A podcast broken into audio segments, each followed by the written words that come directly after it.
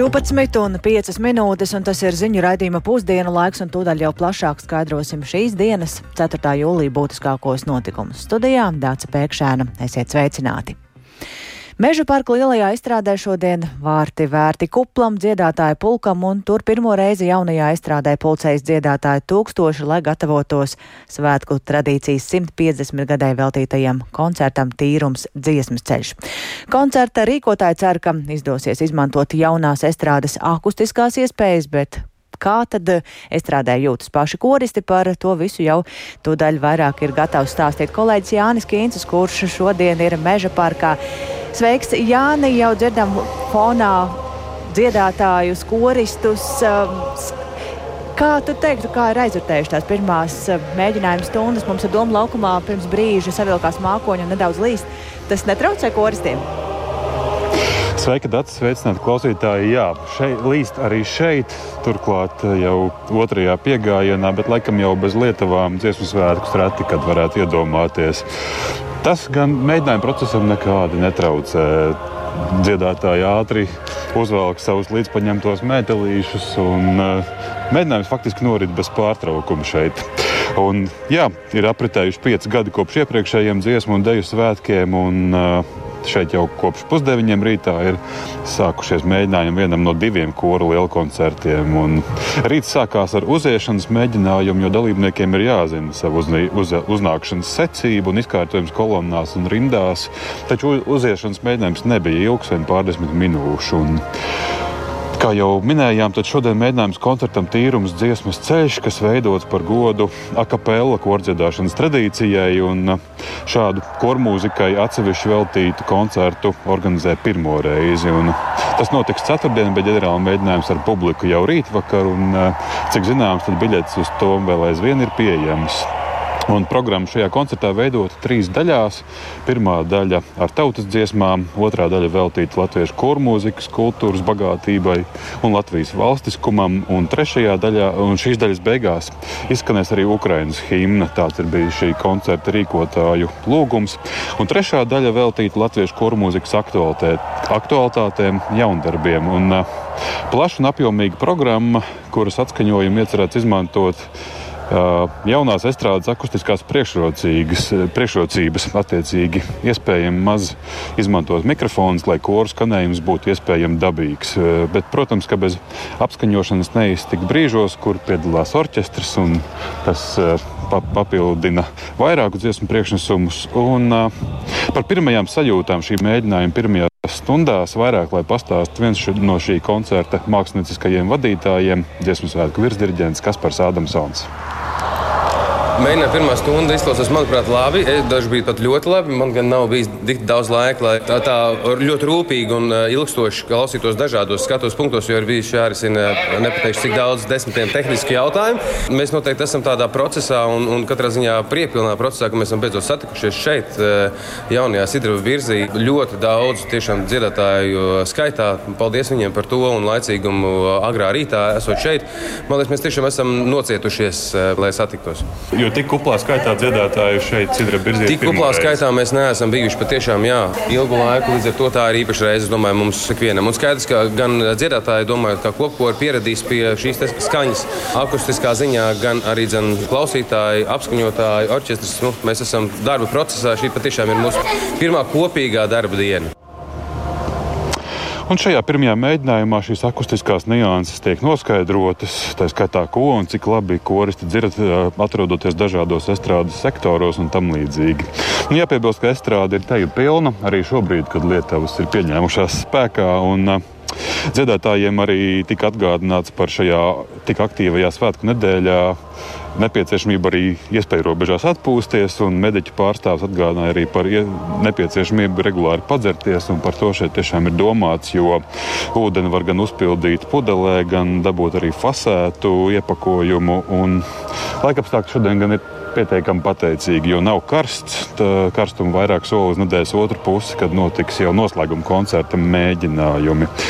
Un jāpiebilst arī, ka svētku organizatori dalībnieku drošības un veselības apsvērumu labad noteikuši arī dažādus ierobežojumus. Tā skaitā ir aicinājums neņemt līdzi ēdienu, kas varētu sabojāties, piemēram, sviestmaizītes, bet nu, drīkst līdzi ņemt augļus, kādus rīkstus, citas uzkodas un tam līdzīgi. Tāpat meža parka teritorijā estrādes tūmā ir ierobežota velosipēdu un skrējriteņu kustība, un to novietošanai ir no, izveidoti speciāli stāvlaukumi. Un tie jau kopš rīta, kā vēroju, izskatījās visnotaļ pilni.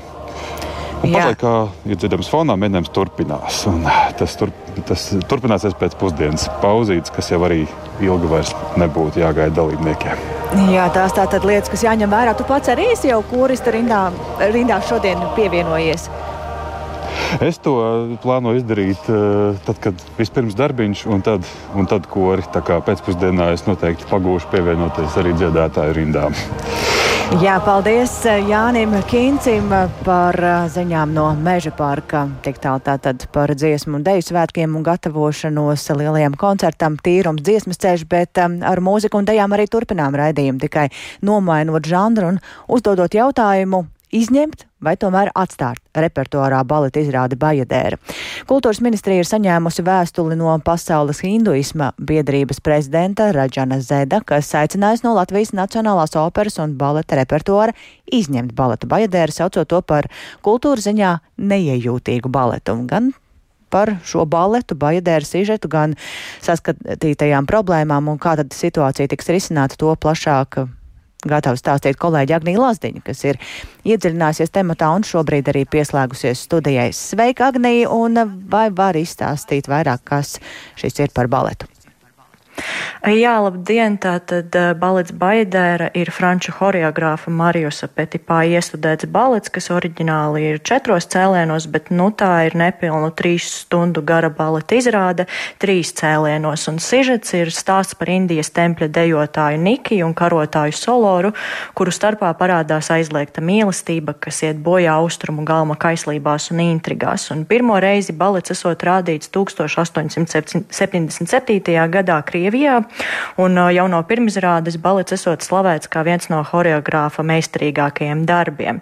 Savukārt Latvijā balets gan savu pirmizrādi piedzīvoja jau 2012. gadā, kad iestudējums arī saņēma Latvijas gāzes gada balvu operai kā labākais tā gada sezonas jaunienes studējums skatītāju balsojumā.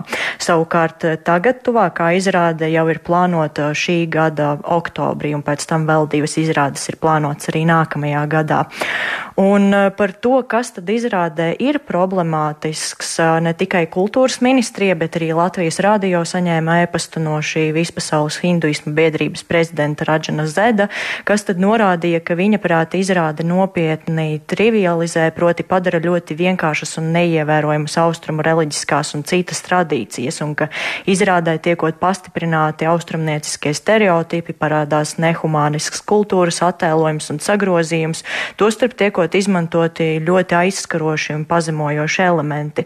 Un, lai gan eh, viņš un arī daudzi citi hinduisti uzskatot baletu par vienu no godājamākajiem mākslas veidiem, kas eh, piedāvājot bagātību un dziļumu, tomēr izrāda, kas savu pirmizrādi esot piedzīvojusi pirms tik ļoti daudziem gadiem, jau sen esot izgājusi no pasaules skatuves, līdz ar to izrādi būtu nepieciešams izslēgt no repertuāra. Un eh, jāatzīst, ka viņš gan nav vienīgais, kas ir izteicis šāda veida kritiku pēdējo pēdējo gadu laikā citviet pasaulē ir bijušas diskusijas par, par šo baleta izrādi, un eh, tās kritiķi lielākoties norāda, ka tas eh, balets eh, demonstrējot ļoti vienkāršotu kariķētu skatījumu uz Indijas kultūru, kur tad indiešu svētie esot attēloti kā neizglītoti un tādi kā mežoņi. Un to visvairāk varot redzēt izrādē tieši caur blackface, jeb latviski pareizākais tulkojums man šķiet būtu melnģīmju forma, proti, kad varoņus attēlo cilvēki, kas, piemēram, padara savu ādas krāsu tumšāku, to nokrāsojot vai specifiski ieveidojot matus, piemēram, izveidojot dredus, tos starp noteiktā veidā uzstājoties, lai tad skatītājiem pēc iespējas vairāk parādītu autentisku piedarību šai etniskajai grupai vai rasei. Lūk, tādas ir tās problēmas, bet ņemot vērā šo paziņojumu, sazinājos ar kultūras ministriju, kur kultūras ministrijas valsts sekretārs vietnieks kultūra politikas jautājumos jautājumos Uldis Zariņš uzsvēra, ka lielākoties šādi gadījumi, kad tiek aicināts izvērtēt kādu mākslas darbu atbilstību vai arī to izņemt no apskates, lielākoties notiek tieši iekšienē. No ārvalstīm, ko tādu nākas saņemt reti, līdz ar to šis konkrētais gadījums ar šo izrādi ir diezgan unikāls, un viņš gan arī norāda, ka cenzūra Latvijā neeksistē, tāpēc ministrijai nav tiesība iejaukties, taču ministrija ir reaģējusi uz šo gadījumu, jo, ja kāds sabiedrības pārstāvis eh, neatkarīgi no tā, vai tas ir Latvijas vai ārvalstu, izsaka bažas vai jautājums par Latvijas kultūras dzīvi, tad viņiem esot jāizvērtē pēc būtības. Bet uh, valstiski iejaukšanās no ministrijas puses uh, šeit gan nebūs pieļaujama, un paklausīsimies, ko tad viņš saka arī attiecībā uz operu. Tā nav ministrija, kas pieņem lēmumus par repertuāru politiku, un līdz ar to mēs esam vērsušies pie Nacionālās operas un baleta, pārsūtījuši šo vēstuli ar lūgumu izvērstēt un attiecīgi pieņemt lēmumu par turpmāko rīcību. Skaidrs, ka viedokļi ir dažādi. Mēs zinām, ka attiecīgā organizācija ir vērsusies arī pie citām baleta un operas teātriem, tā skaitā pie Lietuvas un Igaunijas nacionālajiem operas un baleta teātriem. Nevienā no šiem gadījumiem, cik es zinu, šie te opera teātri un attiecīgo valsts kultūras ministrijas nav saskatījušas pamatot iemeslu izņemt šo baleti no repertuāra. Un es domāju, mūsu pozīcija varētu būt līdzīga, ka, nu, tāda ļoti stingra pamata visdrīzāk nav. Jā, lūk, tāds komentārs ir no kultūras ministrijas puses. Centos sazināties arī ar Latvijas Nacionālo operu un baletu, bet pagaidām gan atbildi vēl neesmu saņēmusi, bet par to jau tad plašāk programmā pēcpusdiena. Dace? Paldies Agnijai Lazdiņai par šo skaidrojumu. Tātad gaidīsim arī plašāku izklāstu raidījumā pēcpusdiena. Bet eh, mēs turpinām ar notikumiem citviet pasaulē. Ir nopietnas bažas par ieslodzītā Gruzijas bijušā prezidenta Mihaila Sākašvilī veselības stāvokli, kas strauji turpina pasliktināties. Sākašvilī un viņas sabiedrotie apsūdz Gruzijā pie varas esošo prokremlisko partiju Gruzijas sapnis mēģinājumā nonāvēt bijušo prezidentu. Ukraina, kuras pilsonis ir Sākašvilī, ir pieprasījusi Gruzijas vēstniekam pamest valsti, un man tiešādē šobrīd pievienojas kolēģis Uldis Česberis, kurš ir gatavs pastāstīt vairāk. Sveiks, Uldi, un saki, kas tad ir izsaucis bažas par Sākašvilī veselības stāvokli? Jā, sveiki, Dace, sveiki Latvijas radio klausītāji. Nu, Sākašvilī vakar pirmo reizi kopš februāra parādījās plašākai sabiedrībai, un tas notika ar video starpniecību. Viņam attālināti piedaloties tiesas procesā, kurā izskata Sākašvilī izvirzītās apsūdzības par pilnvaru pārkāpšanu laikā, kad viņš bija Gruzijas prezidents. Un video bija redzams, ka Sākašvili ir stipri novājējis un ir eh, fiziski ļoti vājš, un tiesas sēdes sākumā viņš pieprasīja atvainošanos no amatpersonām, kas viņu esot novedušas līdz uh, tādam stāvoklim. Un Sākašvili arī noraidīja sev izvirzītās apsūdzības un paziņoja, ka viņš ir Gruzijas pašreizējās valdības un arī Kremļa atriebības upuris, un tad varam paklausīties arī viņa teikto.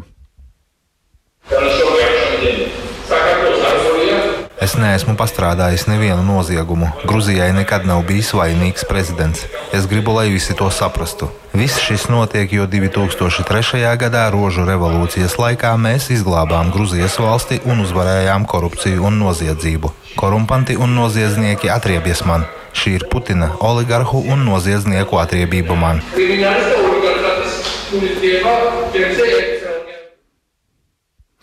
Jā, un atgādināšu, ka Sākašvilī 2021. gadā pēc vairāku gadu promūtnes atgriezās Gruzijā, kur viņu drīz vien arestēja saistībā ar vairākām apsūdzībām, un eh, pagājušā gada maijā strauji pasliktinājās Sākašvilī veselības eh, stāvoklis, un viņu no cietuma pārvietoja uz kādu mm, klīniku, kur viņš atrodas eh, jo projām.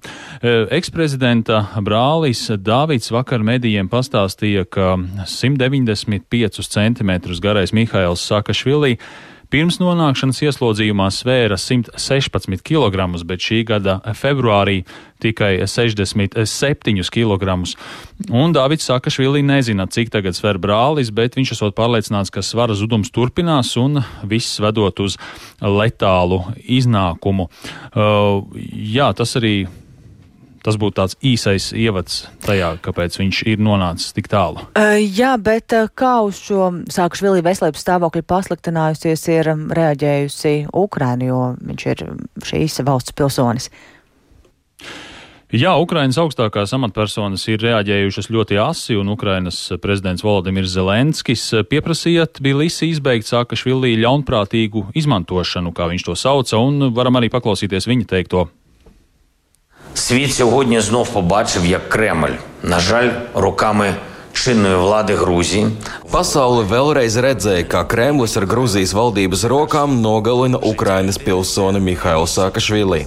Cilvēka dzīvība ir visaugstākā vērtība, un mēs nevaram pieļaut, ka Mihailu vienkārši nogalina. Ukraina atkārtot ir aicinājusi Grūzijas varas iestādes pārtraukt šo demonstratīvo nāves soda izpildi. Gan mēs, gan mūsu partneri esam piedāvājuši dažādas iespējas, kā glābt Mihailu. Es vēlreiz aicinu Grūzijas varas iestādes pārvest Ukrainas pilsoni Mihailu Sākašvili uz Ukrainu, lai saņemtu nepieciešamo ārstēšanu un aprūpi. Un es aicinu mūsu partnerus risināt šo situāciju, neignorējot to un glābt šo cilvēku. Nevienai Eiropas valdībai nav tiesība veikt nāves sodu, dzīvība ir Eiropas pamatvērtība Це базова європейська цінність. Jā, un Ukrainas ārlietu ministrija šodien ir izsaukusi Grūzijas vēstnieku, kuram dos 48 stundas laika, lai viņš pamestu valsti un dotos uz konsultācijām Grūzijā. Un uh, Ukrainas ārlietu ministrs uh, Dmitro Kuleba ir paziņojis, ka Kīva spēr tik radikālu soli, jo Tbilisi graujot Grūzijas un Ukrainas divpusējās attiecības. Un tad, nu, vēstniekam esot jādodas uz uh, mājām, lai mēģinātu kaut kā ar savu valdību izlēmt, kā tad šīs attiecības varētu glābt. Un Kuleba arī sacīja, ka Gruzijas mm, varas iestādes uh, darot visu, lai novestu Sākašvilī līdz nāvei, uh, personiska naida un atriebības dēļ, un viņš Tbilisi rīcību pielīdzināja pat tik skaļi kā represijām, Staļina represijām padomju savienībām. Tad, tad redzam, ka šī Sākašvilī veselības stāvoklis un apcietinājums ir pamatīgi arī bojājis uh, Gruzijas un, um, un arī Ukrainas attiecības. Paldies Uldim Česberim, tātad runājām par Sākašvilī veselības stāvokli. Bet šajā brīdī atgriežamies Latvijā, un laika apstākļi šovasar ir ietekmējuši arī zemeņu ražu, un daudzās saimniecībās vietējo zemeņu sezona drīz beigsies, vai jau beigusies ir agrāk nekā citus gadus. Arī Jaunalūksnes pagasta saimniecībā Igaunīši vērtē, ka šis gads zemeņu audzēšanai ir bijis ļoti smags. Saimnieki atzīst, ka raža ir pat četras reizes mazāka nekā cerēts. Igaunīšu saimniecībā viesojās arī mūsu vidzemes korespondente Gunta Matisone. Iebraucot Igaunijas saimniecībā, skatām pavērs pakalni ar zemeņu laukiem. Saimniece Sintīna Ilsjāns stāsta, ka kopumā te zemenes aug 3 hektāros. Mums ir pakalnijā kalni, mums nav līdzinumu, kur mēs varam garas vagas, 100 metru iestādīt, un tad tik brauc un lasi. Nē, tik nav viegli. Zemenes audzēt šajos pakalnos sāk jau Sintīs vecāki. Tēvs Oļegs stāsta, ka tā ir bijusi vispiemērotākā kultūra šejienes zemē. Kad uzvaram pirmo zemi, sapratām, nu, ka te ir zeme, ir traka zeme. Nu, var teikt, kas, ka māls un, un ļoti smaga. Nu, tā mēģinām kaut ko stādīt, nu nekas neaug. Pamēģinām tur zemenes. Nu, tā kā aiziet, galvenais jau bija pieprasījums. Tā kā cilvēki pieprasīja, nu ko, nu audzināsim zemenes ar maziem gabaliņiem, kā saka, sākam provējam, pieprasījums auga, auga un pagaidām tā arī cīnāmies ar to smago zemi. Par pieprasījumu nesūdzas arī Igaunijas jaunā saimniece, kaut gan ir arī konkurence, jo zemenes šajā pusē audzē pat vairākās saimniecībās. Bet šogad vissmagākos pārbaudījumus viesa laika apstākļi. Šogad ir viss. Februārī bija mīnus 16, un šeit viss bija kails, viss sniegs nopūs kā nekā kalna gals. Ļoti, ļoti daudz izsalā. Tad bija maijā mīnus 6, un tad arī diezgan, diezgan tie ziedi, kas bija aizmetušies, un zied, ziedpumpuri, kas vēl nebija izlīduši pat ārā no zemes, tie apsala. Tālāk jau sākās cīņa ar maibuļu kāpuriem. Tas ir tīri lapstiņas darbs, kas katrs tāds, kas ir nokaltis tveju un rots. Nākošais, kas bija zemeņu ziedu dūrējs, kas nodūra. Es saku, ja zemenē bija no skaisti 25 ziedi, tad 10 vismaz ziedi bija jau nokaltuši. Un tad ir vēl dažādi visādi varianti, kas vienkārši samazina to ražu Es teikšu, godīgi nemelot četras reizes mazāk nekā būtu jābūt uz šo platību. Arī Sintīs dzīvesbiedrs Sandijs Rūlietis atzīst, ka viegls šis bizness nav. Tas Latvijas dzīves līmenis arī teiksim, daudz ko ietekmē, jo nu, ne visiem ir tā rocība un naudas maks tik biezs, lai teiksim, nopirktu to dārgāko. Teiksim. Un daudz izvēlas lētāku to pašu polijas zemeni. Nu. Un arī tā konkurence, un arī teiksim, ne tās vasaras katrai tā labākā kā šo, šogad, piemēram, nu, kad neaug, kad nav tās ražas tik lielas. Ir zemeņa audzēšanas saimniecības, kurās kā viena no galvenajām problēmām uzsver darbspēku trūkumu un to, ka sezonas laikā nevar atrast zemeņu lasītājus. Igaunija šajā darbā iesaistījusies visa ģimene, bet arī par palīgu trūkumu te nesūdzas. Īstenībā strādnieku pietiek, palīgu pietiek. Ja kāds saka, ka nepietiek, tad ir problēma Viens ir atalgojums, otrais ir attieksme. Ļoti svarīga ir komunikācija, attieksme, pretīmnākšana pret cilvēku, kas tev palīdz, novērtēšana viņa. Un es gribu teikt, ka par to mēs joprojām Latvijā diezgan uh, lielie saimnieki klibo. Sintī zemeņa audzēšanai pievērsās pirms 17 gadiem, vēl būdama skolniece. Kad man bija 15, gribējās vasarā kaut kur nopelnīt, tad mamma piešķīra pirmās vāgas, stādus, un es vienkārši sāku darboties. Man tas man patika. Man jau no bērnības patīk, jau no maziem gadiem zemes darbi, visas saimnieciskās lietas laukos. Man nav nekad bijis, kad es gribu uz Rīgu, uz ārzemēs. Esmu strādājis arī ārzemēs, protams, esmu izbaudījusi to smago darbu, visu. Šī ir vairāk cits lieta. Tas ir piepildījums, tas ir plusiņš dzīvot laukos, lai vienkārši kādu lieku naudu dabūtu arī klāt. Sinti un Sandijs ikdienā strādā robežsardzē, un zemīs sezonā tiek ņemts atvaļinājums. Strādāju valsts robežsardzē, Viļakas pārvaldē. Darbs ir atbildīgs. Man zemeņu audzēšana un biškopība ir tā lieta, kas dod man enerģiju. Varbūt es teiktu, tas, tas ir ēlīgs darbs, tas ir liels darbs, bet mani tas uzlādē. Bet šeit ir tā sajūta, kuru tu darot, ka tev ir zeme, tu par savu zemi rūpējies. Tu iestādi no tās izaug un novāc tā sajūta. Viņu var tikai sajust, darbojoties. Lai arī nav izraudzīta tā vieglākā saimniekošanas joma, un it sevišķi daudz pārbaudījumu ir bijuši šogad, saimnieks zemeņa audzēšanā saredz perspektīvu. Protams, protams, jāattīstās, vairāk darba jāiegulda. Pagaidām tas ir vairāk kā hobijs, bet es domāju, ar tādu domu, lai tas aiziet par biznesu, mēs aizjām. Nu, cerība ir ļoti liela pagaidām. Šī gada zemeņa sezona Igaunijos tuvojas noslēgumam, bet tas nenozīmē, ka beidzas arī darbs zemeņa laukos. Tagad priekšā to apkopšana, lai gatavotos nākamajai sezonai. Gunta Matisona Latvijas Rādio vidzemē. Viens ceļš visiem. To ar satiksmes drošības akciju atgādina velo amatieru riteņbraucēju biedrība Latvijas Cycling kopā ar Ceļu satiksmes un drošības direkciju un Latvijas riteņbraukšanas federāciju. Tie ir centieni uzlabot satiksmes drošību, pasargājot kā velo braucējus, tā arī autovadītājus un citus satiksmes dalībniekus. Biedrības pārstāve Zane Kalverša ķeņģa Latvijas radio programmā Labrīt šorīt sacīja, ka autovadītāji ir arvien saprotošāki pret velo braucējiem, taču darāmā vēl daudz. Vienlaikus gan arī viņi atzīst, ka cieņpilnas attiecības ir svarīgas visu ceļu satiksmes dalībnieku vidū, arī no velobraucēju puses. Tas, ko mēs redzam, ka situācija no gada uz gadu ļoti lēni, bet uzlabojās. Tad arvien vairāk ir autovadītāji, kas tiešām ar redzamu un jūtamu cieņu mūs apsteidz, ievērojot šo pusotra metra distanci, nu, respektīvi izvairoties no situācijas, kas mūs kaut kādā veidā apdraud. Bet, protams, ka atgriežoties no treniņiem, mēs pārunājam savā starpā un mēs ar vēl ar vienu redzam, ka diezgan biežas ir situācijas, kad autobraucēji ar neizpratni reizēm izturās pret mums un ļoti bieži veic šos apdīšanas manevrus ļoti tuvu tajos brīžos, kad mums liekas, mēs nodomājam, oh, forši, mūs neaizķēra ar spoguli automašīnu. Un šīs situācijas, protams, ir ļoti bīstamas gan veselībai, gan arī dzīvībai. Mēs varam nokrist un, un tur tās sekas var būt ļoti dažādas. Tāpēc kopumā kļūst ar vien labāk, bet situācijas, kad mēs jūtam apdraudējumu uz ceļiem, vēl ar vien ir ļoti biežas. Kā ir ietvēs un veloceliņos, vai arī tur situācija ir labāka, jo nereti dzirdam par dažādām problēmām ir divas dažādas lietas. Viens ir, ja es ar savu groziņu velo braucu no punkta A uz punktu B pilsētā, tad, protams, es lēnām un mierīgi pārvietojos pa šo veloceliņu. Bet tā situācija, kad, kad es apģērbjos sporta drēbēs un dodos treniņā, tad, protams, kad nu, šie veloceliņi ir drusku cita tēma, jā, jo tur ir pietiekoši daudz bērnu, cilvēki ar bērnu ratiem, mazie riteņbraucēji, kas nevienmēr var ievērot šīs robežas, kas ir gājējiem un riteņbraucējiem. Tāpēc skaidrs, ka šie veloceliņi nu, mums šobrīd nav tādi īsti veloceliņi, pa kuriem mēs varam mierīgi braukt nu, tiksim, tādā velo ātrumā. Tur mums ir jāiekļaujas šajā kopējā noskaņā. Ar šo Zanas Kalvēršas ķeņģis sacīto izskan redzījums pusdiena. Producenta Ilze Agīnta ierakstus montēja Uldis Grīnbergs par labskaņu rūpējās Regīna Bieziņa un arī jums sarunājās Dāca Pēkšēna. Vēl īsi par būtiskāko šodien Koristu tūkstoši meža parkā pirmo reizi tik kuplā skaitā pulcējas Sidraba Birzī, sākot mēģinājums koru mūzikas koncertam Tīrums dziesmas ceļš.